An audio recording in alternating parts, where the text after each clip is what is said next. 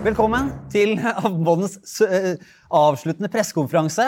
Eh, Det er jo en tradisjon som politikerne har satt i gang, og som eh, vi nå skal følge opp.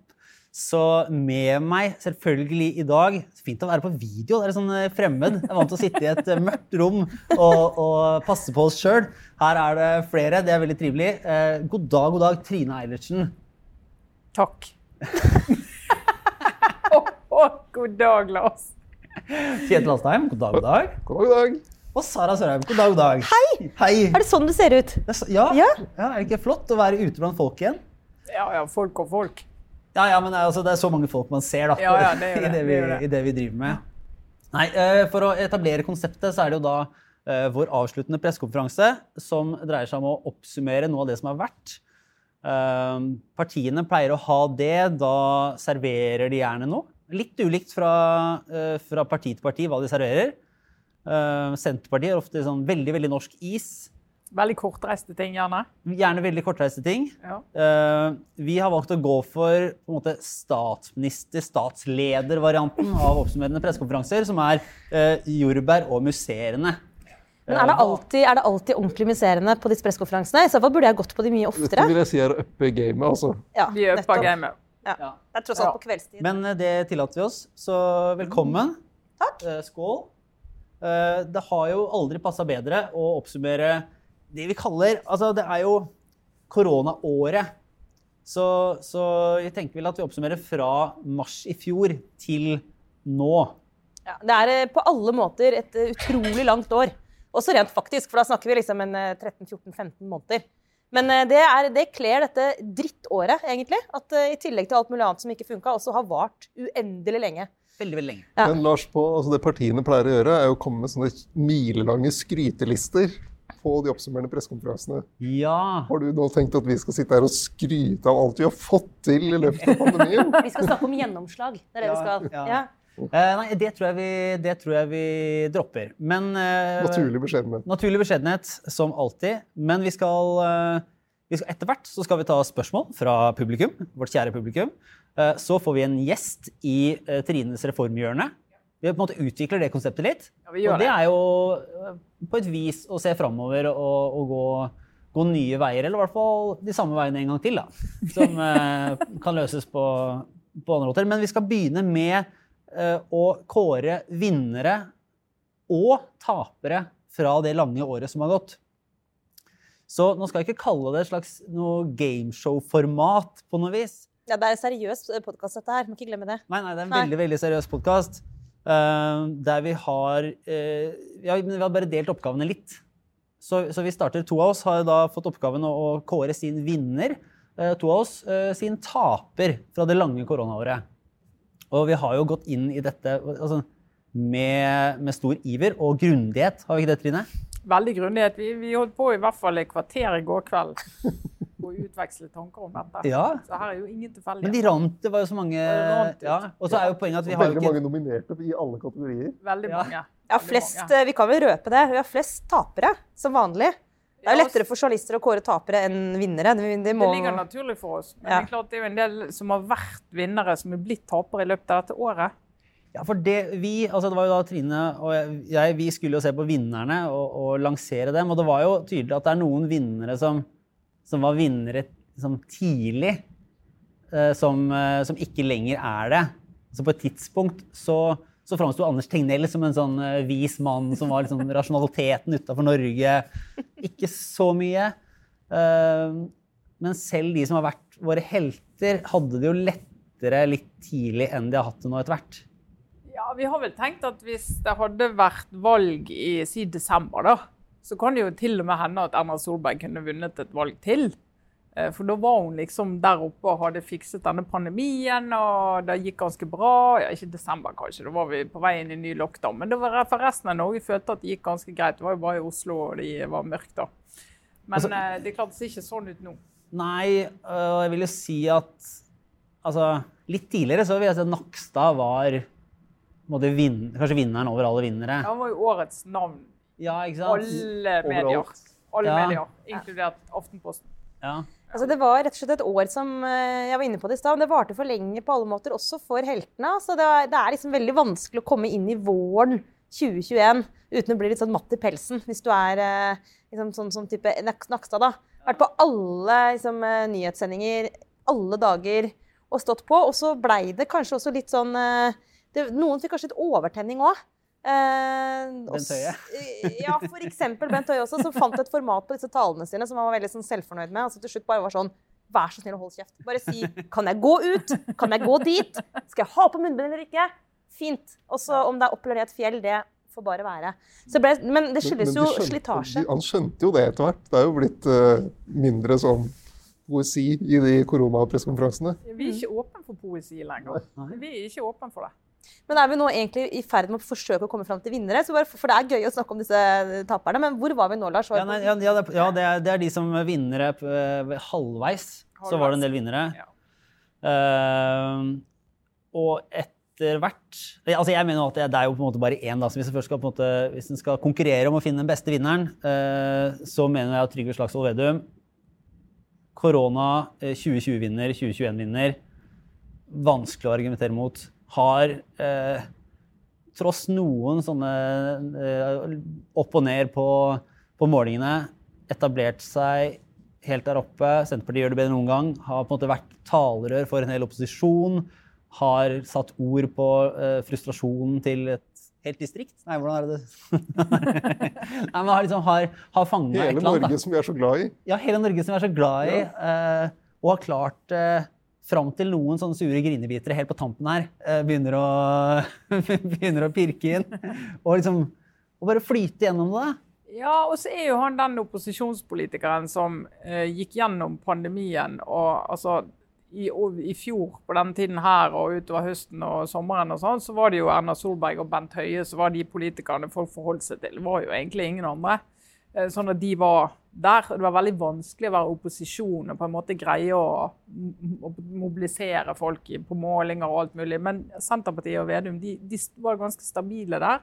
Litt sånn dipp som alle hadde. Men så har de kommet ut av det òg, liksom opp i en sånn oppadgående Det var kanskje roet seg litt nå, men de har jo kommet ut styrket av det, da. Ja, og det var jo på denne var supermålinga til NRK som eh, kom nylig. Så holdt jo Senterpartiet virkelig stand. De ligger jo, ligger jo ganske solid oppå 17-tallet, altså. Så det, det er jo imponerende, egentlig. Og det er, det er interessant å se, fordi hvis man sammenligner med, med Jonas Gahr Støre, så er jo egentlig Jonas Gahr Støre eh, en vinner, men han fremstår på mange måter som en taper. Ja, for det her har jeg lurt på. Hvilken liste er det han skal inn på? For det var akkurat faktisk, det diskuterte vi helt reelt når vi skulle prøve å forberede oss til dette her. Altså, Støre er, hvilken, ja, hvilken side er han på? Er han nå endelig en vinner? Eh, Og det sitter langt inne å så si sånn, sånn klinkende klart at ja. Fordi eh, det er sånn eh, utstråling av at ting bare snubles til. At det blir liksom ikke sånn schwung på det. Eh, og den ledende opposisjonspolitikeren i Norge heter nå Trygve Slagsvold Vedum. I en normal verden så skulle jo det vært eh, Jonas Gahr Støre. Sånn egentlig. Arbeiderpartiets leder burde jo på alle måter vært den opposisjonspolitikeren som satte tonen for, for den politiske debatten, og det, det gjør han jo ikke. Han bryr seg jo ikke hvis han sitter som statsminister i slutten av september. Nei, men Oktober. altså, Eller oktober. Han kom jo ut av eh, landsmøtet sitt, sant? styrket vil jeg mene. og liksom De hadde et godt landsmøte, og de går samlet inn den eh, la- landskampen hør da, i eh, valgkampen. Landskampen, det er jo Oslo. det, det er et annet sted. ja. Og så har de eh, lagt bak seg, kan det se ut som, alt det der interne bråket og misnøyen og alt det der som pipler til overflaten, sånn som de gjør i partier det går dårlig med. Eh, og så har han akkurat liksom kommet sånn i god stand. Og så kommer Trygve Slagsvold Vedum og sier jeg er god statsministerkandidat. Takk for hjelpen. Hvis du ser fra, fra januar til i dag, så har jo Arbeiderpartiet fått, og Støre fått liksom mer retning på, på prosjektet sitt. Eh, Med de krisemålingene som var i januar, med Senterpartiet større, så, var det jo, så det jo veldig ille ut. Så, sånn sett har han jo, er, er han jo en vinner, og han ligger an til å bli statsminister. Men, men med da på en, en, he- i en helt annen sits enn det Arbeiderpartiet har hatt tidligere. Så, de ligger fortsatt eh, historisk lavt som hvis de skal inn i regjering med den oppslutningen. Og de må samarbeide med et parti som er såpass stort og selvsikkert da, som Senterpartiet. Og med en uh, situasjon som vel er veldig uvanlig eller ukjent terreng for Arbeiderpartiet. Eh, ikke å samarbeide, men å samarbeide fra en så svak posisjon med eh, en samarbeidspartner som Senterpartiet, som har i så stor grad liksom, tidsånden i ryggen eh, og vanvittig selvtillit. Eh, og de må jo være helt forferdelig vriene å forhandle med hvis valgresultatet blir noe i nærheten av det de ligger på nå. Altså, se, se for deg at Marit Arnstad skal gi seg på noe som helst liksom, i de forhandlingene. Det, det bare, jeg tenker at det blir en, eh, det blir en krevende posisjon for, for en Arbeiderpartiorganisasjon som er vant til å ha hånda på rattet. Eh, og så skal det jo sikkert bli størst parti og sånn, men det der blir spennende å se. Og også hva som er på en måte, eller the long game. Altså, Hva er det som er det egentlige målet for Senterpartiet? Er det å styre på et eh, stødig grunnlag sammen med Arbeiderpartiet, eller var den der statsministerkandidatgreia egentlig en sånn, et frampeik mot 2025? Eh, altså har de tenkt til, og er det, er det, et Senterparti som skal bli Norges største parti? og som skal danne, altså, snakker, Er det sånne grandiose ideer som liksom preger det? Her, det, her, det, her, det er uh, grunnen til at han uh, kan, kandidat til å vinne, er altså, som i vinne Aftenpådens uh, koronaår-vinnerkåring. da. ikke alt annet, det vet vi jo ikke. Men er jo, det bare kommer inn overalt. Vedum. Men Trine, en, hva, hva, hvem kan utfordre Trygve Slagsvold Vedum som, som koronaårets vinner? Nei, altså det er ikke, jeg, jeg, tenker Et av de fenomenene om du vil, som har kommet styrket ut av korona, som ingen hadde trodd skulle komme styrket ut av korona, det er EØS-avtalen. altså, du mener at EØS-avtalen EØS-avtalen går det veldig bra med kjempebra. Altså Det går så bra med EØS-avtalen. Den har jo sånn Litt under radaren har jo oppslutningen om EØS-avtalen har jo bare vært på stigende kurs i flere år. Det er liksom Til og med i Rødt finner du velgere som sier at EØS-avtalen er gode greier.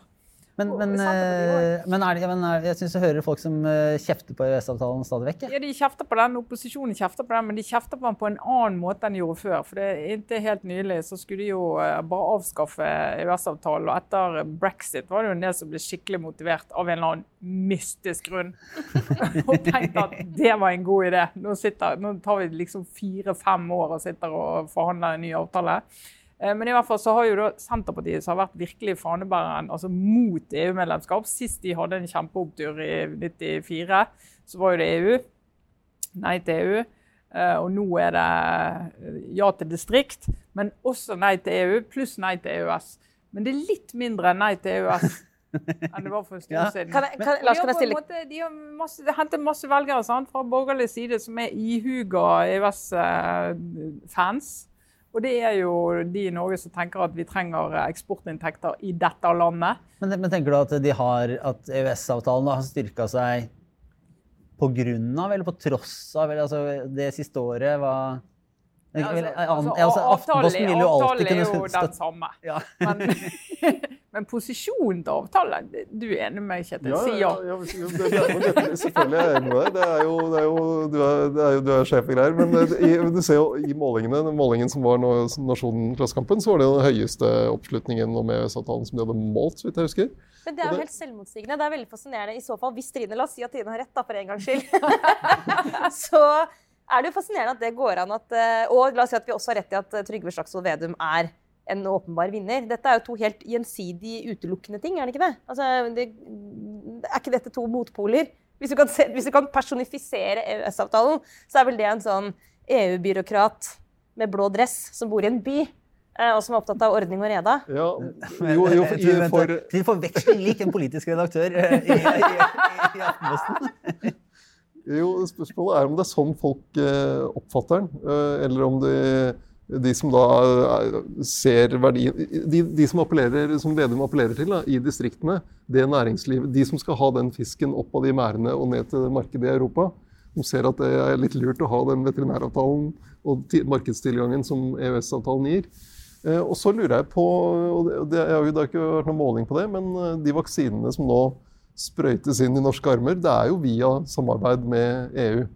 Eh, så nasjonen, og da, vi må jo stole på nasjonen her, de trakk fram eh, vaksinene som en mulig delforklaring til at eh, oppslutningen både om EØS og EU steg på den målingen de hadde. Men det er jo interessant, for det er klart Høyre så en mulighet i vinter for å tyne nettopp Senterpartiet, og særlig Arbeiderpartiet, som skulle samarbeide med Senterpartiet og SV. da.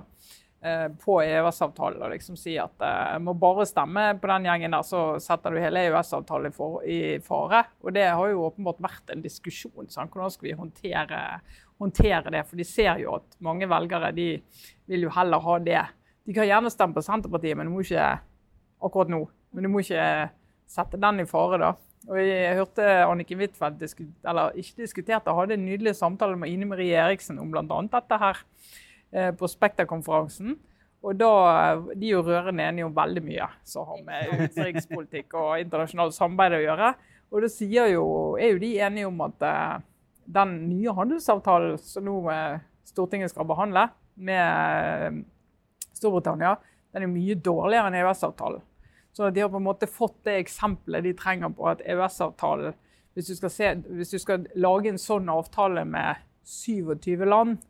EØS-avtalen ble inngått med 12 land i EU den gang da.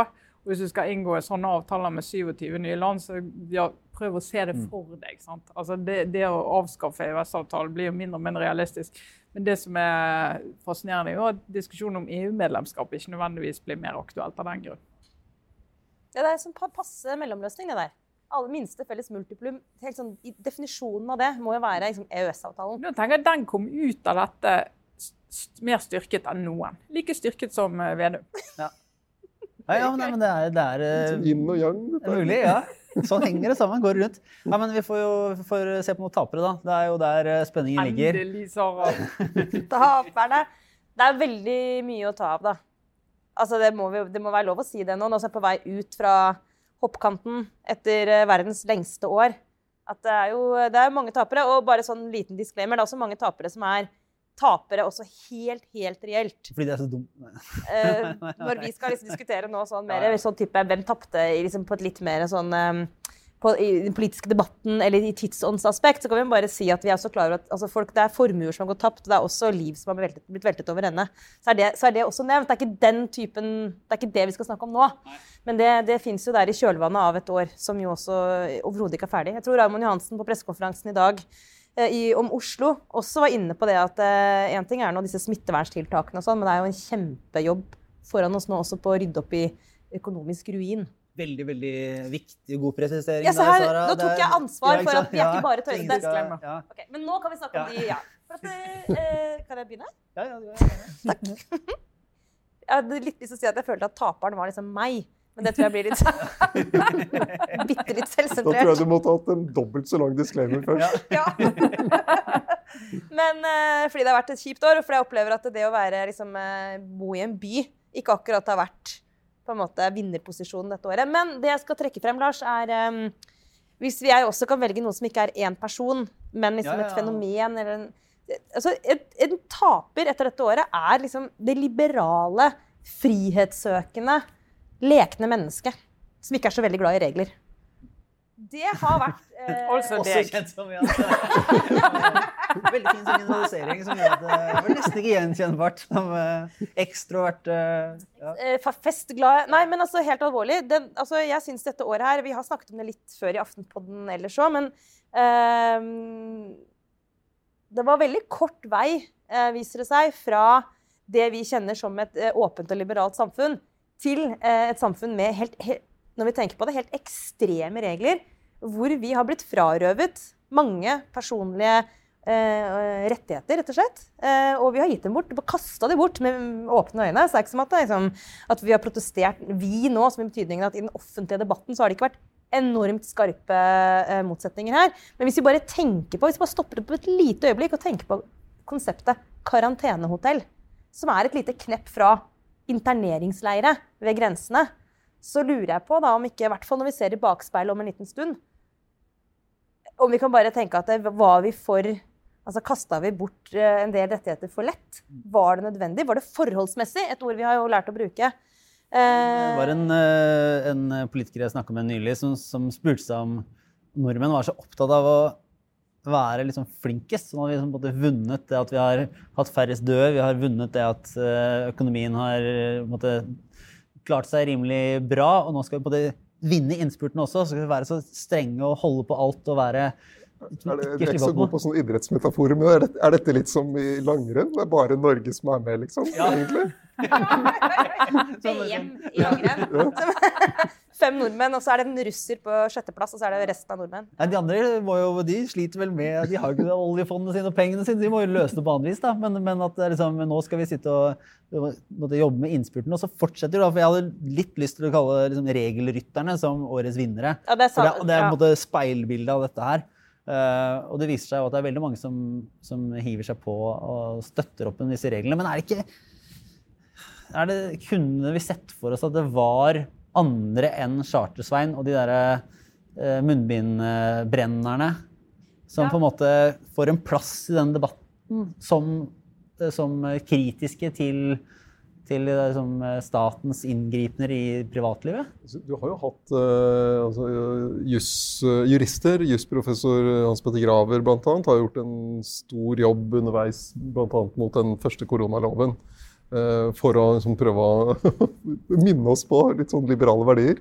Men jeg synes den, eh, den hyttedommen som kom nå for ikke så lenge siden fra lagmannsretten, om de, de som eh, eier da en stuga i Sverige og ikke har fått dratt dit, bortsett fra hvis de kjører sånn uten å overnatte, uten å få karantene. Se på den dommen, så er den jo altså de, de mente at deres rettigheter til menneskerettigheter var brutt, bl.a. familieliv og eiendomsretten. Mens er lagmannsretten da konkluderer med at ja, men eiendomsretten, dere eier jo fortsatt den hytta, selv om dere ikke kan dra til den. Og familieliv, ja det kan dere jo ha her hjemme. Så jeg bare lurer på hvor, hvor og, og, og så var eh, lagmannsrettens vurdering var bare at eh, det, hva som er nødvendig av hensyn til eh, folkehelsen, det må jo helsemyndighetene vurdere. Det kan ikke vi som eh, dommere sitte her og overprøve. Eh, Hvis, hvis Monica Mæland hadde fått den derre portforbudmuligheten, da hadde vi jo hatt da er det ingen grenser. Altså, hvor, hvor er det der vernet for, eh, for de verdiene? Ja, og hvis det Det vet vi jo ikke helt. Det kan hende at det kommer frem på et tidspunkt. Altså, hvor, hvor nær var regjeringen altså, en helt reell behandling av et av portforbud? Altså, var det en sånn nødvendig forordning, nærmest? Noe de bare måtte gjøre for å ha gjort en sånn utredning just in case? Eller, eller, eller hva, har det vært en diskusjon i regjeringen om kanskje ikke portforbud nå liksom, er, er riktig skritt å ta? Og hvis det er en spekulasjon, men hvis det faktisk var i nærheten av å tenke at det var, at det var på tide, eller et at det faktisk var en, en ting som man burde innføre, så er det helt, det er helt vanvittig. Eh, I hvert fall sett i bakspeilet. Og så, så skjønner jeg at det er frykt og eh, en helt sånn reell engstelse for, for at det her kunne gå helt gærent. Altså, det er jo bra at de har tatt inn det òg, altså og det er ikke over ennå. Men likevel. Eh, det er fristende også da å kaste på på toppen av det, men da er jo på vinneren igjen. da. Men en annen side av dette her, denne, denne trangen til å kaste bort våre liberale verdier, er jo den trangen nordmenn tydeligvis også har. Hvis vi skal være litt sånn sveipende igjen og snakke om nordmenn som en gruppe, men å påføre andre skam for å ikke slutte rekkene. Sant? Eh, og det er jo eh, Jeg velger å ta det på taperlista, fordi det går ikke an å ha så ufyselige ting på en vinnerliste. Men hvor mange sånne skamgrupper kan vi nå liksom ramse opp, Trine? Hytteskam var vel det første? Joggeskam? Joggeskam Ja. begynte jo Russeskam. Ja. Russeskam. Studentskam. Ja. Ja, det, var, det er alt mulig. sant? Men hvis, hvis du prøver å, altså, prøver å tenke du skal forklare hvorfor det er sånn, så tror jeg jo vi er jo ganske stolte av med god grunn vår evne til å håndtere kriser. sant? Hvis du tar sånn trepartssamarbeid og de økonomiske krisene som vi har vært gjennom, bankkrise, finanskrise, eh, starte på 30-tallet, sier ok, nå er landet i så store problemer at nå må liksom motstandere må stå sammen for å komme gjennom denne krisen. Akkurat nå nuller vi en del av de vanlige motsetningene. Og så jobber vi sammen, og så kommer vi ut av det, og så skrur vi på igjen de vanlige motsetningene. sant? Eh, og Sånn har det vært. og sånn er, Det er litt sånn den politiske kulturen i Norge. da, og Det gode med det er jo at vi faktisk ofte greier å Flyktningkrise. Ofte greier å, å komme ut av det her uten at du får sånne svære rifter i landet. og liksom hvor motsetningene er blitt enda hardere enn de var før, og du lander på beina. da. Eh, Sånn at klart Oljefondet er en viktig grunn til at det går bra i Norge, og alt det der, men akkurat det er jo kanskje enda viktigere. Du greier å løse problemer på den måten.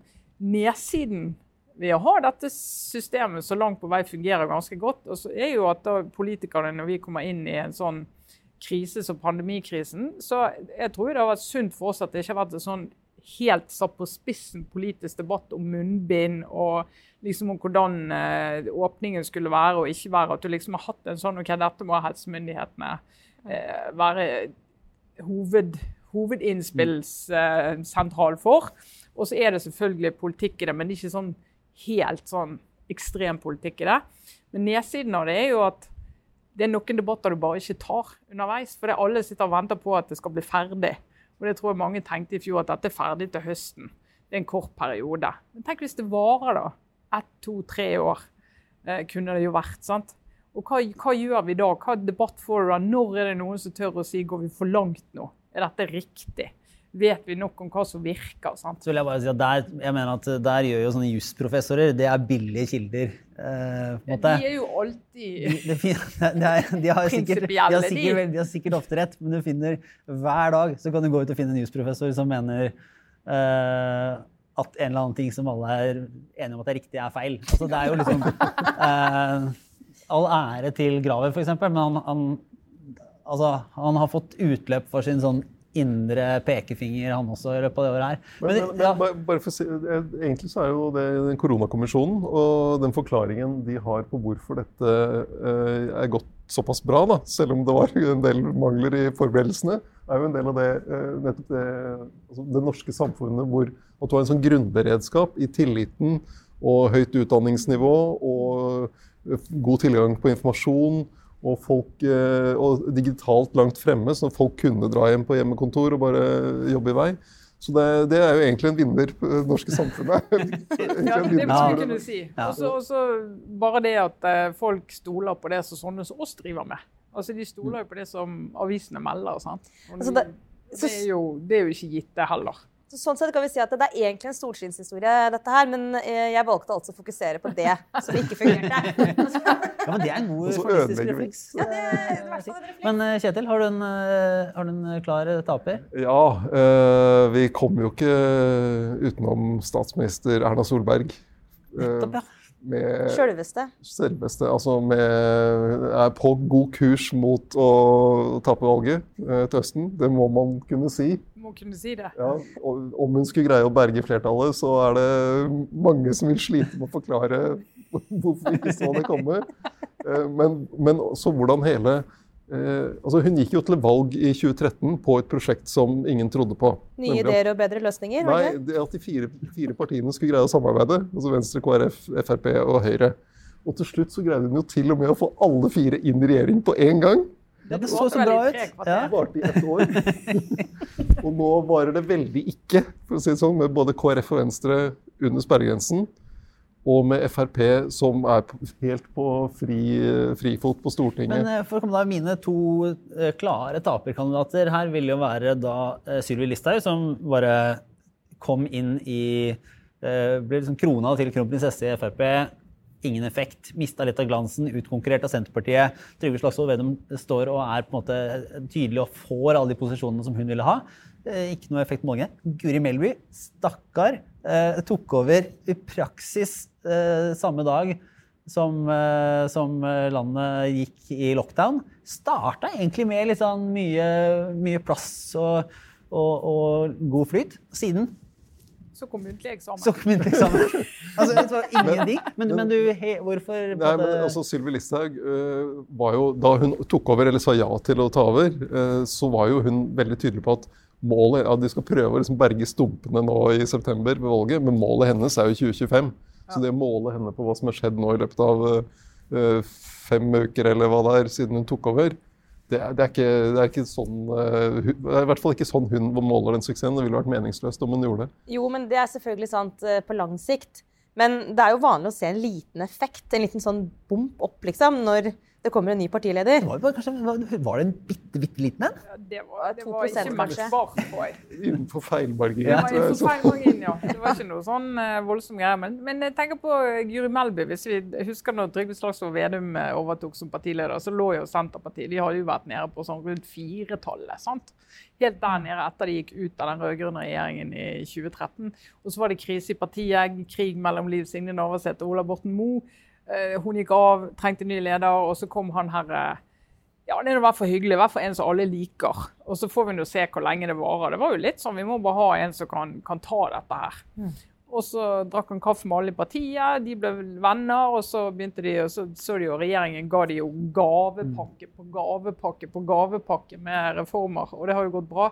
Kan du se for deg at Guri Melby starter fra et like trist uh, utgangspunkt, og så når, vi, når du får en ny regjering, så er det Venstres tur? Eller ikke. Nei, men, for, Statsministerkandidat i 2023. Plutselig er det statsministerkandidat. Ja, det, er, det er jo et, det er jo et, et, eh, scenario, men det er, bare, det er så påfallende synes jeg, at Venstre har bare mista helt sånn plassen sin i den politiske debatten Ja. de siste, siste månedene. Så det er ikke sånn at de sitter og er med, nesten, i det som har vært de førende debattene.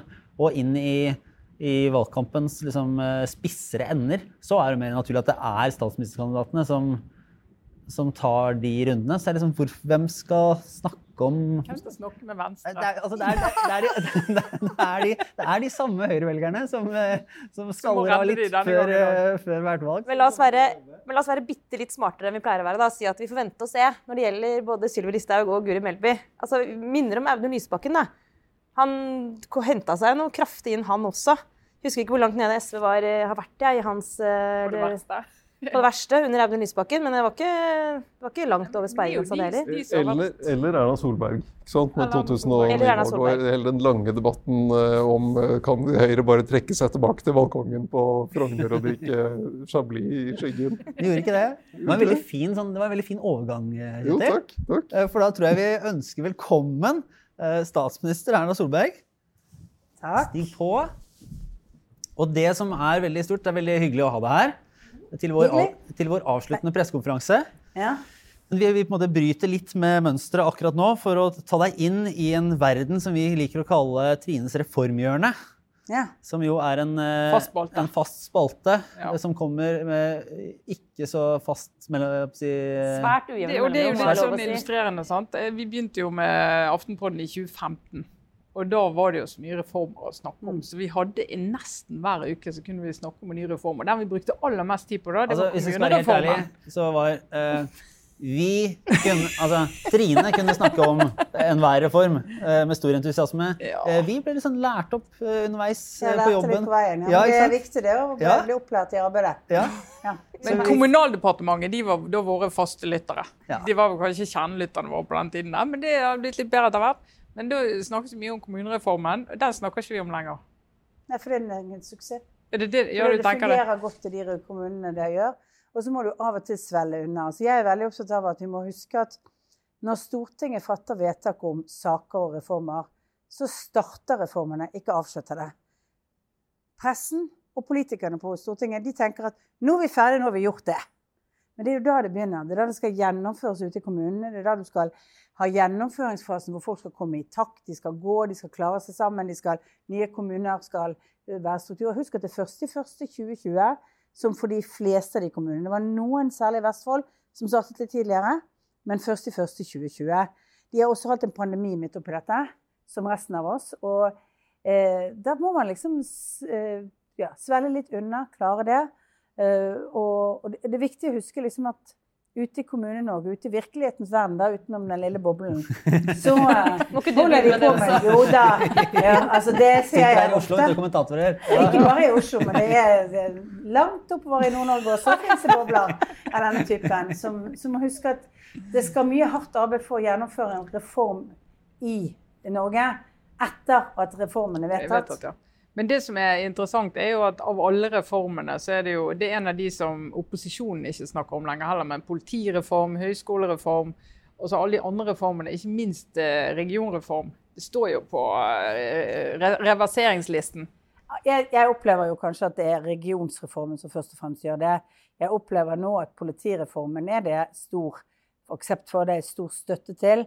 Eh, politiet er veldig fornøyd med den. Eh, vi har fantastiske resultater på kvalitetshevingen, på etterforskning på barn og overgrep og den typen ting. Det hjelper selvfølgelig at vi har brukt veldig mange milliarder også på å bemanne opp. Samtidig, det er to ting. Det er ikke bare reformen, det er også en voldsom satsing på det. Men eh, eh, så er det jo kokt ned til hva var det, 20 nye lensmannskontor i Senterpartiets alternative budsjetter. Det var det det var, eh, som på en måte var den store forskjellen. Jeg tror at de tingene står seg godt. Høyskolereformen også, der er en diskusjon om nesten er det det eneste som er. Resten går helt fint. Men eh, regionsreformen er det jo eh, mange som mener at det ikke er det. Der er det jo også en utfordring at nå vedtar Stortinget at ikke regionen skal få oppgaver som var meningen de skulle få. Vi skal ikke drive med kortbaneflynettet vårt. Det var jo jernbanereform også. Hvor, hvor, eh, hvor, sånn, eh, hvor sterk tror du den der kontrarevolusjonen blir hvis Senterpartiet gjør et såpass godt valg? som Høres veldig nervøs ut. Nei, Jeg tenker at, uh, tenker at det vil være å bli gjort symbolting. Uh, og, uh, og gjort endringer på det. Eh, og så vil det bli gjort endringer ikke i strukturer på noen områder. På jernbanereformen så er nok litt av utfordringen eh, Den er jo rett og slett at vi har, vi har jo fått til en konkurranseutsetting som har spart oss penger. Vi, vi, vi har jo en helt annen situasjon eh, nå. Men pandemien har jo gjort at resultatene ikke er så synlige. Fordi at all transport er jo nå mer subsidiert enn noen gang. Rett og slett fordi at er, vi skal opprettholde et tilbud uten at folk har reist eller fått lov å reise. Så, så det, det gjør jo at det er lettere å argumentere. Jeg har lest oppslaget i Aftenposten, jeg er jo uenig i det, selvfølgelig. Men, eh, men Du kan ikke være uenig i at du må undersøke effekten av jo, jeg er enig i at man må undersøke effekten, men du kan ikke gjennomføre undersøke effekten av en reform midt oppi en pandemi. Altså den er, og, og jeg tror jo at dette kommer til å kunne stå seg godt også i fremtiden på å få et bedre tilbud på jernbane. Det er jo noen ganske store og gode tall man har hatt på før pandemien på flere som har tatt tog. Det er behovet vårt for å jobbe annerledes med jernbane eh, fremover. Men vi prøver jo også ut noe nytt da, når eh, Ringeriksbanen da flyttes over til eh, Nye Veier som gjennomføring der, så ser vi også om vi klarer å få til litt mer konkurranse. For det som er forskjellen på Nye Veier og Vegvesenet og jernbanereformen, er jo at eh, før vi la et jernbaneprosjekt inn i Nye Veier, så fikk du ikke to alternative strukturer som kunne måles opp mot hva de oppnådde. Det har vi jo fått til på, på, på vei. Eh, Men jeg tror at disse står seg. Nye Veier var høyt omdiskutert i forrige valgkamp. Nå er det omtrent ingen som sier reversering av det. Men er det ikke noe som eh, sikkert må være en vurdering også? Og det er jo forståelig og bra at du forsvarer dine reformer og dine planer for å, for å endre Norge sånn, men det er jo en politisk realitet at, at det også har skapt en uh, motbevegelse da, som nå uh, kan være i ferd med å senke prosjektet ditt. Altså Hvis Senterpartiet vokser seg da fra 5,5 til 18 midten og tar Men... velgere fra, fra andre sida og gjør at utsiktene til å fortsette blir dårligere? Ser du at Men i motsetning til det eh, politiske kommentatorer mener, og andre, så er det jo ikke sånn at hensikten med eh, å være politiker er å bli gjenvalgt.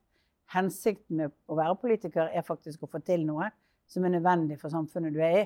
Og jeg vil jo forsvare at disse reformene har vært nødvendige for å videreutvikle Norge, for å få bedre bruk av økonomiske ressurser, menneskelige ressurser, for å få bedre oppgaveløsning på mange av de områdene. Jeg tror det er kjempeviktig.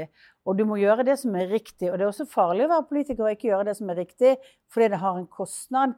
Eller det som jeg husker det var en som sa på et seminar i en, eh, når vi hadde langt, når vi diskuterte perspektivmeldingen for før Frp gikk ut, så var det en som sa det er jo velgertekniske hensyn som gjør at man ikke bør gjøre dette, som jeg nå skal si. Eh, og vi kan ikke bare ta velgertekniske hensyn på det. Nei, Men men det det er jo ikke bare ja, Ja, for en ting jeg lurer på da, altså Det er jo noen av dere trenger ikke å nevne navn, men det er enkelte her som jo kan sitte og kose seg med reformsnakk også på fritiden. Jeg mistenker at du kanskje er en av dem. Eh, og fordi jeg syns jeg senser og, eh, i din periode som statsminister har vært så åpenbart at det er eh, kanskje ditt store politiske prosjekt er å reformere Norge. Felt for felt. Så da lurer jeg på hva er det du er mest Altså hvem av dem elsker du høyest, liksom, av disse reformbarna dine? Klarer du å velge mellom dem? Jeg vet det er vanskelig å velge Eh. mellom barna, men Eh, Jeg er faktisk mest opptatt av det som vi kanskje ikke kaller en reform, men det som dreier seg om å få flere tilbake igjen i arbeidslivet. Som er mange små tiltak vi gjør. Det mener jeg, altså Inkludere flere i arbeidslivet er kanskje det viktigste for meg. For jeg mener at det er noe av det styggeste et samfunn gjør, er å fortelle mennesker om de er 25 eller om de er 35, at de har vi ikke bruk for mer. I et samfunn hvor de kanskje skal bli 80-90-100 år gamle. De har vi ikke bruk for. Du, du må finne en annen måte å finne mening med livet enn å, enn å gjøre det de fleste andre gjør, nemlig å være i et arbeidsliv. Det er kanskje det som er viktigst. Og da ligger det jo noen reformer i, i det som dreier seg om de omleggingene vi gjør innenfor rammen av at det skal lønne seg å jobbe, at vi skal jobbe med psykisk helse i samarbeid med at du er i arbeidslivet, at vi skal ha integreringspolitikk som gjør at folk raskt kommer ut i jobb når de kommer til landet. Vi har ikke kalt det en reform, for det er ikke flytte på bokser. Nei, altså det er kanskje fordi vi har gått Vi mener at dette er helt det er så stort og så mange områder som må jobbes med hele tiden. Men hvis du spør meg om hva jeg syns er viktigst, så er det det. For jeg mener jo at arbeid er mye mer enn lønn i vårt samfunn. Og eh, det er viktig for samfunnet, men det er også viktig for den enkelte. Hvis, du, hvis det blir regjeringsskifte til høsten, og det er, jo, det er, jo, en del indikasjoner på at det kan det bli Hva, ja, hva, hva altså av det du har satt i gang, er du mest redd for at uh, opposisjonen skal altså, reversere? Hva tenker du ville være mest skadelig altså, å reversere? Av hensyn til, til uh, reform, altså gjennomføring av reformer, så er det alltid viktig at de som har igangsatt reformene, får gjennomføre de også. Rett og slett fordi vi ser at ofte så forandrer reformene innhold eh, hvis du skifter. Det så vi med Nav-reformen, som på en måte ble veldig annerledes enn den egentlig var laget. Fordi at eh, du skiftet regjering, prioriteringen og diskusjonen ble litt annerledes. Eh, men eh, Nei, altså jeg, jeg, er nok, jeg, er nok, redd for at man f.eks. På, på jernbane begynner å lage mye endringer som innebærer at eh, det tar mange år før man liksom kommer ordentlig i gang. Vi, vi hadde jo starten på en jernbanereform Eh, i det små i Bondevik II-regjeringen. Eh, hvor vi da altså begynte å skulle eh, sette ut og omorganisere på noen områder. Der tok det jo et år eller ett og et halvt år etter at de rød-grønne hvor det ikke skjedde noe som helst på sektoren fordi Senterpartiet reverserte. Og så hadde de ikke folkene, og så tar det lang tid, og så, og så stopper ting opp. For det er en kostnad, og det tror jeg vi alle skal være ærlige om, det er en kostnad i et reformarbeid akkurat når du skal ha de nye strukturene på plass.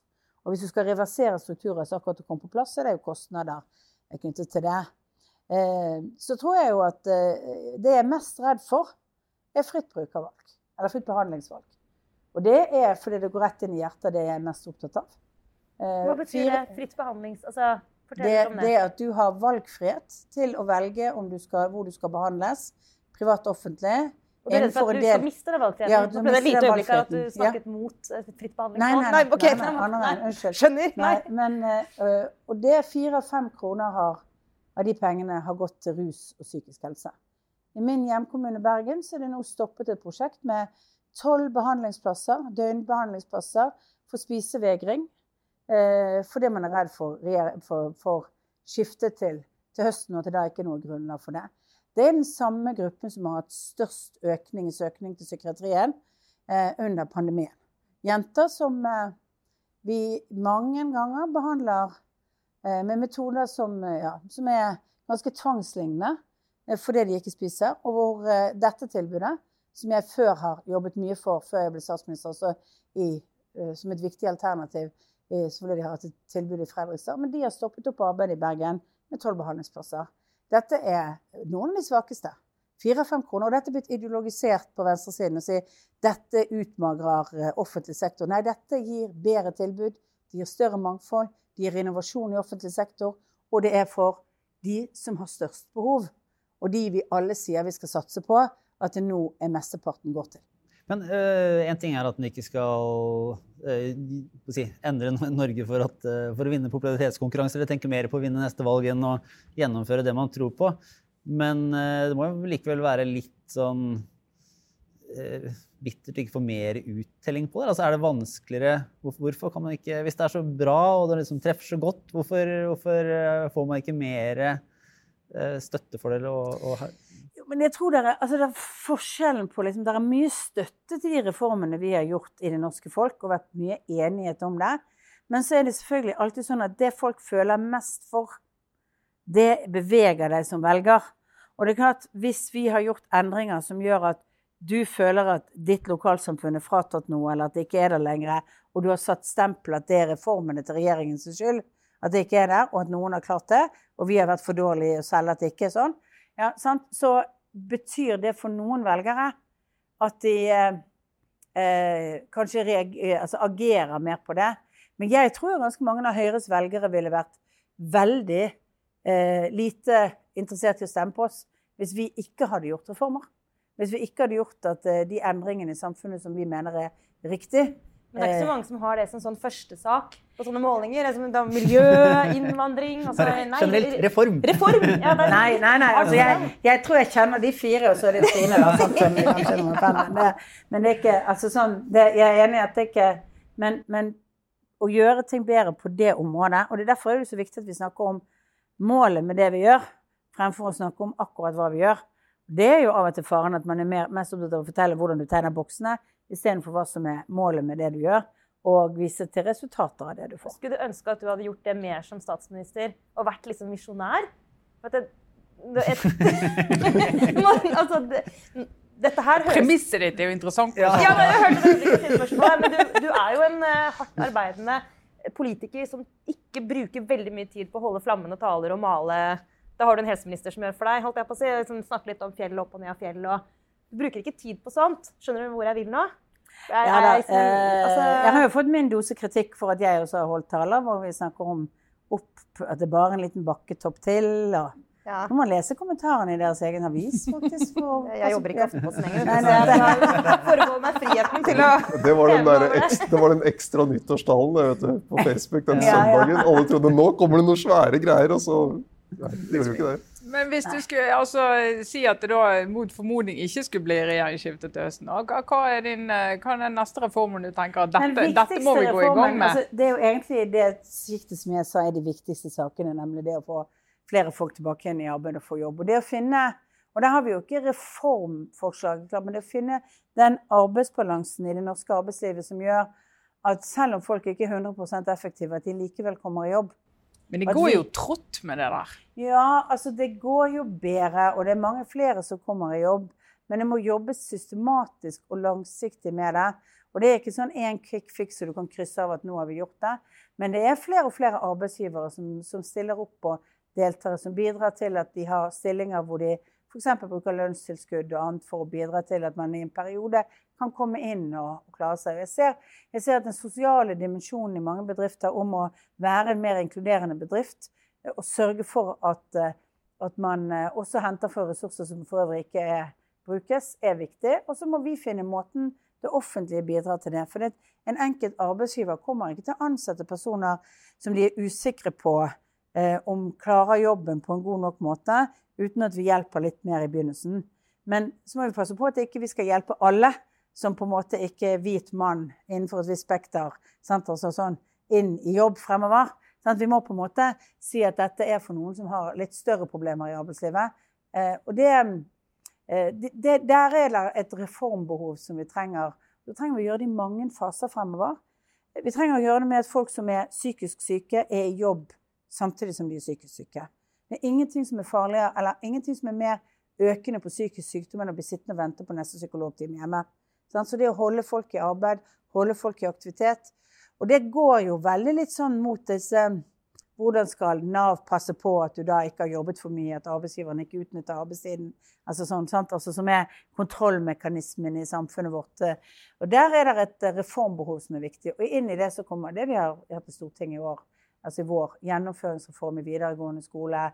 Det at du nå får lov til å gå så lenge på videregående skole at du blir ferdig med den. Altså, vi har jo sagt at du har en evig rett til å fullføre eh, på videregående skole fordi det er så viktig. Så hvis, du er hoppet av, hvis noen der hoppet av på et tidspunkt, så er tiden for å melde seg tilbake. Nei, men kan du, Hvis du kan innføre det på litt høyere studier også, for sånn som meg, så er det, er det kanskje en vei tilbake til et litt Ja. mer seriøst arbeidsliv enn Ja. denne bobla som Ja. tar imot uutdanna folk. Ja, men Så fint. Jeg tror vi avslutter eh, Trines reformhjørne. eh, Denne gang med gjest. Tusen takk, Erna Solberg, for at du kom, eh, kom innom. Vi skal bare rekke en runde med spørsmål. Eh, Fordi det er sånn som vi vanligvis eh, blir eh, altså blir av og til spurt om vi kan ha det når vi har liveshow på scene. Eh, Men der setter alltid eh, Trine foten ned, fordi hun er redd for at det skal komme noen sånne gamle grinebitere, stort sett, eh, og bare ta taletid. Og, og, Egentlig ikke spør. som egentlig ikke spør, men Som bare holder et, innlegg. Som holder et innlegg. Og du mener, det kommer noen som mener at det er vanlige folks tur. Ja.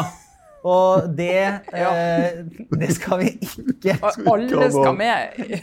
Det, nei, alle skal ikke med. Nei, Men nå har vi jo da en eh, lang rekke gode spørsmål fra eh, våre kjære lyttere, og for denne anledning seere, i dette systemet Slido, som eh, jeg ikke har noen spesiell erfaring med. Men som eh, er bare her dukker det opp. Altså, dette her er litt sånn Aftenpodden gjør ting vi ikke pleier å gjøre. Eh, Ja. Eksempel bruker digitale hjelpemidler underveis i sending. Og øver live.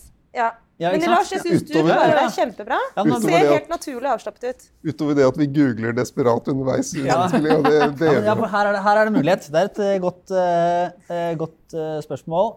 Uh, som, det har vel et faktisk svar, så sånn sett så er vi, er vi på gyngende grunn allerede. Kan du ta et annet? Det er ikke en quiz, det er ikke en quiz.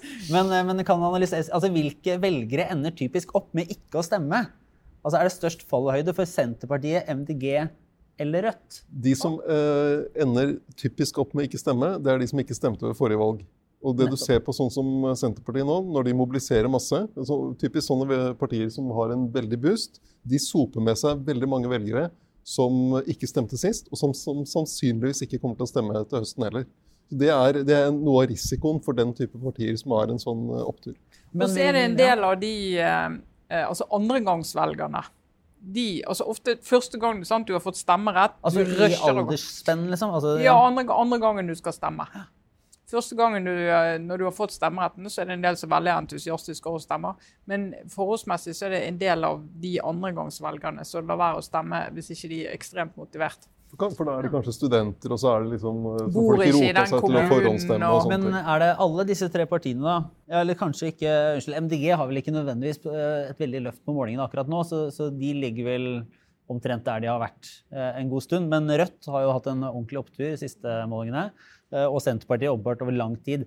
Eh, Jeg antar at Altså Er det noe som tilsier at Rødt ikke har den samme veksten som Senterpartiet, bare på et lavere nivå? Altså Er det forholdsmessig flere som, som uh, hopper ned fra gjerdet til Senterpartiet enn til Rødt?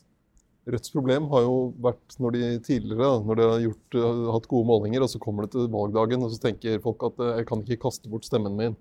Så spørsmålet er om de kommer over det uh, denne gangen. Om de greier å få flere til å tro at det er noe vits i å stemme på dem når det kommer til stykket. Og det som kan tale for det, er jo at de har flere profiler. De har ikke bare Bjørnar Moxnes. De har, de har folk uh, i Ikke minst Mimmi Kristiansson. Han, ja, han, han som ikke snorker uh, Han, han som slutt, nei, som sluttet å snorke, men han begynte å snorke igjen. begynte å snorke igjen. Ja. Det er riktig. Men også kommer til å gå ned i vekt og derfor slutte å snorke. Og ta lappen. Og ta lappen. Ikke minst. Og så har jo eh, Senterpartiet har jo eh, eldre velgere enn MDG, og sikkert Rødt. Eh, for de har, altså de har ganske høy gjennomsnittsalder på velgerne sine. Og de har jo tatt velgere fra, som har stemt Frp, som har stemt Høyre, som har stemt Arbeiderpartiet forrige gang. Så de stemte jo forrige gang. Mens nå sier de at de vil stemme Senterpartiet. Altså, til, å, til å være et, et spørsmål som rent faktisk eh, kom inn her nå for veldig kort tid siden, så svarte dere altså, Man skulle tro dere hadde peiling på dette her. Det var veldig, var veldig bra. Det var ikke noe Eh, spørsmål om rumpetroll eller noe sånt. Nei, foreløpig lite Frosk. biologi eh, på, på, på spørsmålsfronten her, egentlig. Eh, Vi kan, det her kan jo være relativt kort, kanskje, men hvordan er utsiktene for en Ap-Senterparti-regjering som samarbeider med KrF? Eh, ja, da må KrF komme over sperregrensa, sånn at de, de tre partiene kan lage flertall sammen, tenker jeg. Altså, fordi, og og det, de har jo ikke det nå på målingene, men de har ikke vært så veldig langt unna. Så hvis KrF kommer over sperregrensa, og, og Arbeiderpartiet og Senterpartiet gjør det eh, relativt bra, så kan det tenkes at eh, de får flertall, og da kan det øke sannsynligheten for en Arbeiderparti-Senterparti-basert regjering. Jo. Men forholdsmessig så må Senterpartiet gjøre det veldig bra eh, sammenligna med Arbeiderpartiet. Altså, Senterpartiet må være tydelig sterkt. Ja, de må- de- de Senterpartiet må er være mer villige villig til å samarbeide med KrF enn Ja, det må Arbeiderpartiet er. sterkt, og- men det, det styrker dem om de har den, den, den muligheten til å danne flertall den veien. Men da snakker vi et, eh, et samarbeid, en samarbeidsavtale, altså danne et eh, flertall for budsjettet. Og gå inn i regjering sånn sammen og lage en eh, Altså, En det, felles det høres jo sannsynlig ut nå. Ja. Men vi vet jo at mye kan skje i en stortingsperiode. Men det ville være veldig rart hvis eh, Arbeiderpartiet Senterpartiet kunne jo gjort det, men hvis Arbeiderpartiet skulle gå i regjering med et parti som de nettopp har kjempet heftig mot i, i eh, opposisjon, og ikke minst noen av de sakene på landsmøtet i vår, abort og en del andre temaer som liksom er midt i kjernen av det de er uenige om. Men samtidig sant, det er ikke mer enn tre år siden Arbeiderpartiet sa vi vil gjerne regjere med KrF. I hvert fall deler av Arbeiderpartiet. Ja. Ikke hele. ikke hele. Som med alt annet så ble det litt bråk. eh, Det ble der litt bråk av det, så det er ikke lett. Men ting, det kan jo se for deg at Senterpartiet og Arbeiderpartiet regjerer alene og samarbeider mye. Også om to år, om ett år, så sier KrF at kanskje de har byttet leder på den tid. Hva vet vi? At Kan vi eh, nå, nå er vi klar. Nå er vi vi klar. deg tilbake? Ja, ikke Altså? sant? Vi ha det tilbake. Og så skal vi igjen oppleve det vidunderlige å dra på et samfunnshus et eller annet sted i Gokk og dekke et sånt lokallagsmøte i KrF hvor de skal stemme rødt, blått eller gult. Altså, Det føles ut som en annen verden, men det kan jo, tenk om det skjer igjen. da.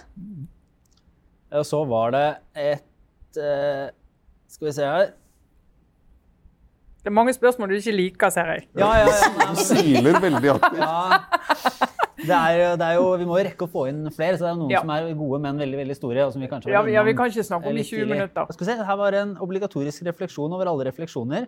Hva er det beste dere har fått ut av dette året? Altså personlig, liksom. Ja, jeg må jo du kan- okay, du jeg har begynt å løpe. Og jeg er jo ingen løper. Det kan jo alle som ser på meg, se at jeg er skapt for last og ikke for fart. Men jeg tenkte jeg, jeg må ut av det hjemmekontoret, jeg må ut og røre meg. Og nå er jeg lett sånn blitt glad i å løpe. Løper ikke langt, løper ikke fort. Men jeg har begynt med det. Og det vil jeg nesten si er det beste jeg har fått ut av dette året. Ellers er jeg jo fint lite. Ja. Hvordan er det med deg, Kjetil? Dette er vanskelig, altså. Det må jeg si. Fått mer tid til fuglekikkinga? Ja, altså hyttekontor er fint. Ja. Det, det er klart. Det er ikke så gærent. Men uh, nei. La oss bli ferdig med pandemien. Ass. Du, Jo, beste, du, har si, fått, du har eh, fått masse nye kollegaer, du. Jo, jo, men det var jo ikke på grunn av pandemien. Jeg liker jo at eh, jeg, Det er kanskje ikke det beste, men det er en liten, et lite høydepunkt likevel. At uh, både Sara og jeg har vært i var det ukeslutt på NRK. Jeg som surdeigsbaker og deg som uh, korpsstyremedlem. Nei, Jeg tror ikke det teller som eh, jeg tror det er, det, det er, Hvis vi lagde vinner-taperliste, så føler jeg vi begge er på taperlista der av ulike årsaker. På den generelle bare sånn Du er en taper. Ja, ikke, altså, men, men, eh, men jeg har faktisk eh, Og dette vil komme som et sjokk, men jeg har Marie Kondo-ifisert en hel skuff. Hvis noen vet hva det betyr? Jeg har ryddet. Jeg har Ja. ryddet etter hun Men- der rydde, den ryddenarkomanen. Jeg så et TV-program om henne. det ta Jeg én skuff, er det løst da? liksom? Visstnok så er den største katastrofen av dem alle er sånne som meg. da. For at det gjelder ikke før du tar hele huset. Det er, helt, det er ikke snakk om Pandemien er ikke lang nok for det. Men den var akkurat lang nok til én undertøyskuff. Så, Så Så nå har du tellekant i en skuff. ja. Du må rulle sammen trusene til de er sånne harde, lange Du vil ikke vite hvor mange skuffer jeg har tellekant i. Å, herregud. herregud. Det vil du ikke vite. Maria Kondo. Ja. Men det er mulig heller ikke veldig mange andre i Norge som ville vil vite mer om dette. Så vi kan ta et nytt spørsmål. Men eh, det var det jeg kom på, eh, rett og slett. For et drittår. Ja. Eh, nei, det var et spørsmål her eh, altså, som kanskje går nå egentlig litt også til deg, Kjetil, da, siden du har skrevet om det denne uka her. Eh, og det ligger et premiss inne som, som man kan være enig eller uenig i, men bare lar det være der. Hvorfor greier ikke journalistene å stille Vedum til veggs? Godt spørsmål. Jeg- Altså, altså, skal, vi, skal, vi bare, skal vi først eh, si at om ikke vi liksom kjøper hele premisset, så aksepterer vi deler av det? Eller? Ja, altså, men det, det har jo litt med opposisjonspolitikerens rolle. Altså at du, ja, det er naturlig for mediene å oppsøke de som er kritiske til de som er makten. Og at det, det, de, han har jo en utfordrerrolle eh, i den posisjonen han er. Han har jo vært fungerende opposisjonsleder i Jonas Gahr Støres fravær eh, på mange vis. Eh, og, og da, så det har litt med det å gjøre. Eh, og så Eh, og så, og så, ja, så, skjønner jeg spørsmålet, og, jeg mener at det er, eh, det er noe Og jeg tror det kommer til å bli mer av det nå inn mot eh, valget. Ikke minst som med statsministerkandidat Vedum. Ja. Og så er det altså Oss oldiser altså, husker tilbake til 2013. Husker at vi fikk stadig vekk telefoner fra folk i Arbeiderpartiet og regjeringspartiene som mente vi var altfor ukritiske til Høyre. Som da var i skikkelig siget utover våren 2013 og inn mot valget. Liksom, de, de får kritisere oss for hva som helst, og dere går aldri inn i den kritikken og ser liksom om fakta er riktig, om alt er riktig, og så må vi svare på det. Så det er veldig vanlig kritikk fra posisjonen, at ikke mediene er kritiske nok til opposisjonen. Men typisk sånn når du begynner å nærme deg valget, sånn seks til åtte uker før valget, da begynner jo redaksjonene For vi skal jo bruke mest energi på de som sitter med makt. Eh, Men da begynner redaksjonene å skru seg inn på de som ligger an til å gjøre et skikkelig godt valg, bli statsminister, hva det måtte være. Så jeg tror alle politikere som gjør det bra Tenk på SV i 2005. Nå høres jeg ut som jeg er 118 år gammel. Kjetil. Nå også. Nå også. Men eh, SV som hadde et så voldsomt eh, fall inn mot valget. sant? Fordi at Da kom liksom all den heftige kritikken hvor de gikk inn i sakene etter SV sier henger dette sammen, henger det på greip. Og Sånn er det liksom når du nærmer deg kongens bord, så er pressen mye tøffere med deg. Men før det så er de en del av kritikken mot makt. Men er Jo, vi men liksom kan, en- ja. ja, for jeg er ikke sikker på. Det der eh, følger dere helt på de poengene der, men er det ikke noe mer også med retorikken til eh, Vedum som unndrar seg altså litt eh, en, en type kritiske spørsmål som bare ikke biter på han, fordi jeg opplever at han ikke alltid, altså, men i noen politiske debatter så, så kjører han på med en type retorikk som egentlig har et litt sånn liberalt forhold til, eh, til faktaboksene. Si det sånn. Så, Så ler han jo det Ja. gjerne vekk hvis det blir og Ja. Det er ikke så lett å ta, altså Han kan komme på, slenge ut påstander. Nå sist, for eksempel, som du skrev om i Aftenposten, Kjetil. Men uh, den debatten om NRK, hvor NRK skal ligge i Oslo, hvor, uh, hvor han kommer med noen lovnader. og og eh, de er sannsynligvis ikke gjennomførbare. Å flytte NRK til Grorud og bygge nye, nye hovedkvarter til NRK der osv. Og, og hvis du da liksom som journalist skal ja men, ja, men, ja, men er det mulig, da? Så opplever jeg at han i hvert fall i enkelte debatter på en måte bare feier unna det uten å egentlig svare. Og så blir det veldig vanskelig å ta på det, for han selv hever seg over det faktuelle. Og det er krevende for en journalist. Så tror jeg at han, ja. i, i vinter, da, de, da han ble kjørt ganske hardt på klimapolitikken i Politisk kvarter, det var, da kom han ordentlig på defensiven. Da han ikke greide å svare på om de støttet Norges klimamål og sånt. Og da måtte, han, måtte de jo komme ut etterpå og si at jo, jo, vi, vi Her gjør var det vi så- egentlig mente, og det er ikke Ja. så ofte det Senterpartiet må det. sant? Og så er det jo, han er jo en øh, jeg skal si usedvanlig, men han er jo en veldig dyktig politiker til å Han er altså utrolig disiplinert. Eh, sånn at han faller jo på en måte tilbake i noen sånne spor som det kan være frustrerende å intervjue, fordi at det, det går på måte sånn på autopilot. Og noen politikere er jo flinkere enn andre til å si det samme tingen, men ikke høres måte, irritert ut eller eh, frustrert eller veldig veldig arrogant ut. Han har jo liksom funnet en metode for å si ting, bare ikke svare ordentlig på spørsmål, eh, men gjøre det med et smil, eh, på en liksom jovial måte, på en måte som altså, kommuniserer bra. Da. Og det er det jo sånn journalistisk vanskeligere å gå i rette med og, og møte. Da. Ja, så er jo han, Det må bare også være lov å si, da, når vi først skal sitte og analysere folk her sånn eh, helt fritt, at eh, han er jo rett og slett utrolig sjarmerende, veldig veldig hyggelig, veldig veldig morsom, lattermild og skaper god stemning eh, på sitt beste. Og det er klart at det er jo, eh, og De beste politikerne, de som er karismatiske, de har jo evnen til å liksom, få til sånne De klarer å skape sånne connections også med journalister. og det, Noen av oss har enklere for å bli liksom, revet med av det enn andre. da. Men det er jo, jeg tror vi må være ærlige og innrømme også at det er litt vanskeligere å være beinhard mot en person som er så sinnssykt jovial. Det er jeg sikker på har hjulpet ham i mange sammenhenger. Han er Ja, så er det klart at Han er en del av en strøm nå som gjør at når Kjetil skriver en kommentar og kritiserer han for måten han eh, omtaler eh, Raymond Johansen og Tor Gjermund Eriksen, NRK-sjefen, på i forbindelse med NRK-tomten, som var veldig, veldig drøyt, det Vedum sa eh, i den forbindelse i VG. Eh, Så klart, da, da kommer liksom gjengen fra liksom hele Norges støttespillere. Ah, nå er det Oslo-bobler som ikke tåler at det går bra med Vedum. Så det er klart Han er på et veldig magisk sted sånn opinionsmessig akkurat nå. Han er et sted hvor kritikk faktisk kan styrke han. sant? Og det husker Bård Vegar Solhjell fortalte om SV når det gikk dårlig med SV. Det var sånn, Uansett hva de tok i, så ble det gråstein. Det er bare du, Da er du inne i det, men så kan du også ha det motsatte. Grønn bølge.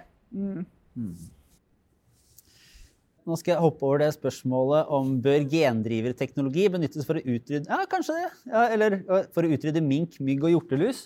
Hva sa du nå? at Eh, altså, jeg vet ikke hva det er. Bør gendriverteknologi benyttes for å utrydde mink, mygg og hjortelus? altså, Skal du bare si ja? at de bør Sorry. utryddes, det er i hvert fall mink. Det, det mener vi jo. Og hjortelus det, det er en, Jeg hørte jo for et par år siden det er litt sånn rumpetrollforhold til det.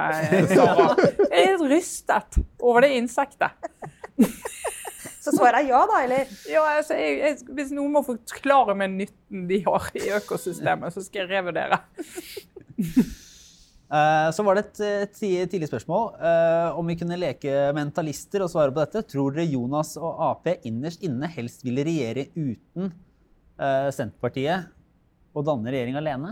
Ja, selvfølgelig vil jeg helst Altså det. ikke med Altså vi kan jo ikke Nå snakker vi da rent flertall, Uten liksom? rent flertall, Uten rent flertall. antar jeg. Så må vi være med i en, sånn en som Gro Harlem oppslutning som ligger drev med. Ja. 36,9 Nei, ja, jeg tenker Vi må ligge på omtrent den oppslutninga de har i dag. Så er spørsmålet sånn Nei, det tror jeg ikke. Nei. Jeg tror ikke det. For det er jo så tungvint da. å være sånn skikkelig mindretallsregjering. Arbeiderpartiet tror jeg vil ha en flertallsregjering. Altså Senterpartiet de er ikke så opptatt av det. Nei, kan de er godt, ikke de, så kan- opptatt de kan godt sitte i en mindretallsregjering som shopper litt her og shopper litt der på Stortinget, men Arbeiderpartiet vil ha Ja, du mister så mye arbeidsro og fart hvis du skal drive og gå innom Stortinget med alt mulig hele tiden. Og så, er jo, så må det jo henvende seg til Senterpartiet antageligvis i et budsjett uansett. Altså, gitt, Så det er jo på en måte kanskje ikke Og tenk hvis de skulle gjort det på, på en eller annen måte nå. Da hadde jo Senterpartiet hatt 60 før 2019. men det er jo gitt dag, forutsetningen i dag. Men sånn, Ja. inn, altså hvis, hvis vi kunne liksom velge sin drømmekonstellasjon, eller ikke-konstellasjon, da, nettopp, Ja. så er jo det, det ligger vel fortsatt i DNA, DNA til DNA for, at Ja. de vil regjere alene. Men alle vil vel egentlig det, hvis de virkelig kunne velge.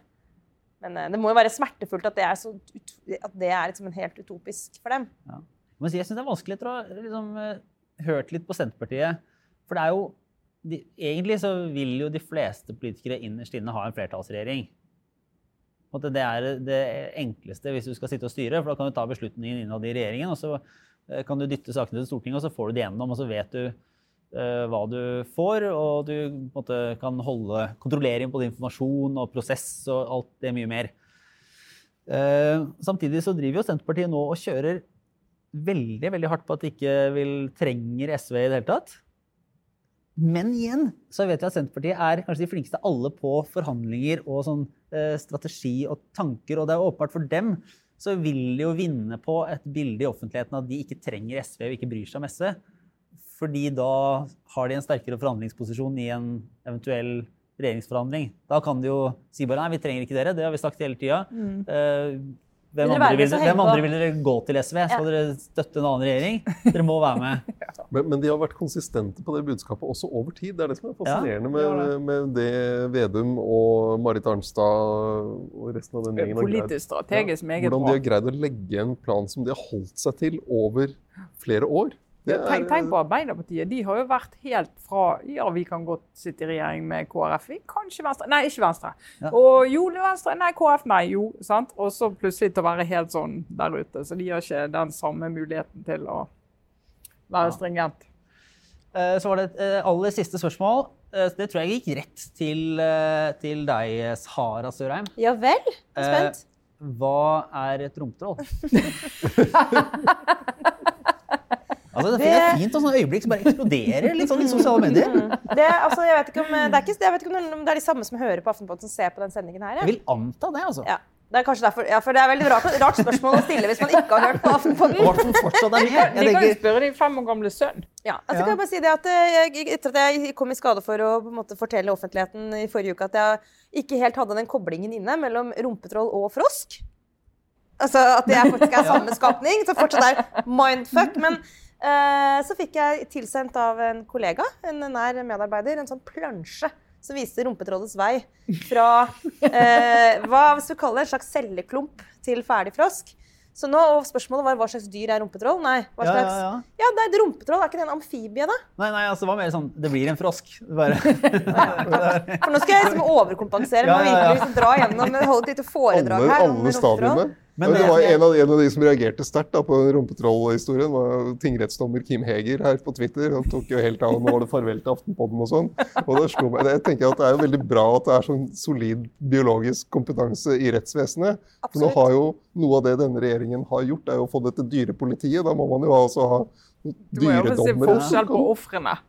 Ja. Vite hva de er. Jeg kan også berolige er det- eventuelle ja, ja. lyttere med at jeg intervjuet min fem år gamle sønn da jeg kom hjem og spurte eh, hva, er, eh, hva blir rumpetroll til.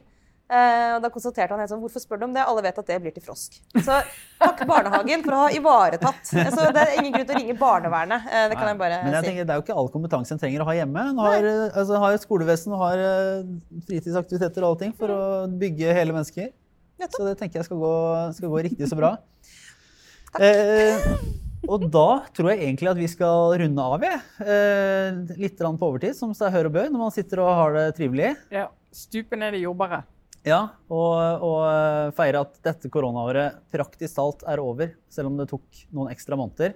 Ja. Eh, Så da tror jeg vi bare takker for oss. Takker veldig veldig mye til de som, eh, de som har sett på og fulgt med. Særlig de som er nye abonnenter, det må jeg jo si. Jeg må si velkommen til mynt i vårt kassen univers. til uh, Trine Eilersens Ja, jeg sitter og regner på dette. Ja. vi håper det blir i lange, lange tider. I bobla vår. I bobla Det er vår. kjempefint å være inne i en boble. Ja. synes ikke det, så Slutt å disse bobler. Det er en grunn til at folk er i bobler, altså. Men bare for Ja. å si det.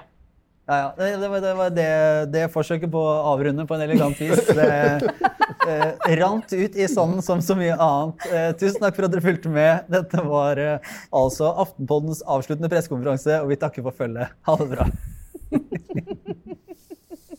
Skål. Skål. Skål.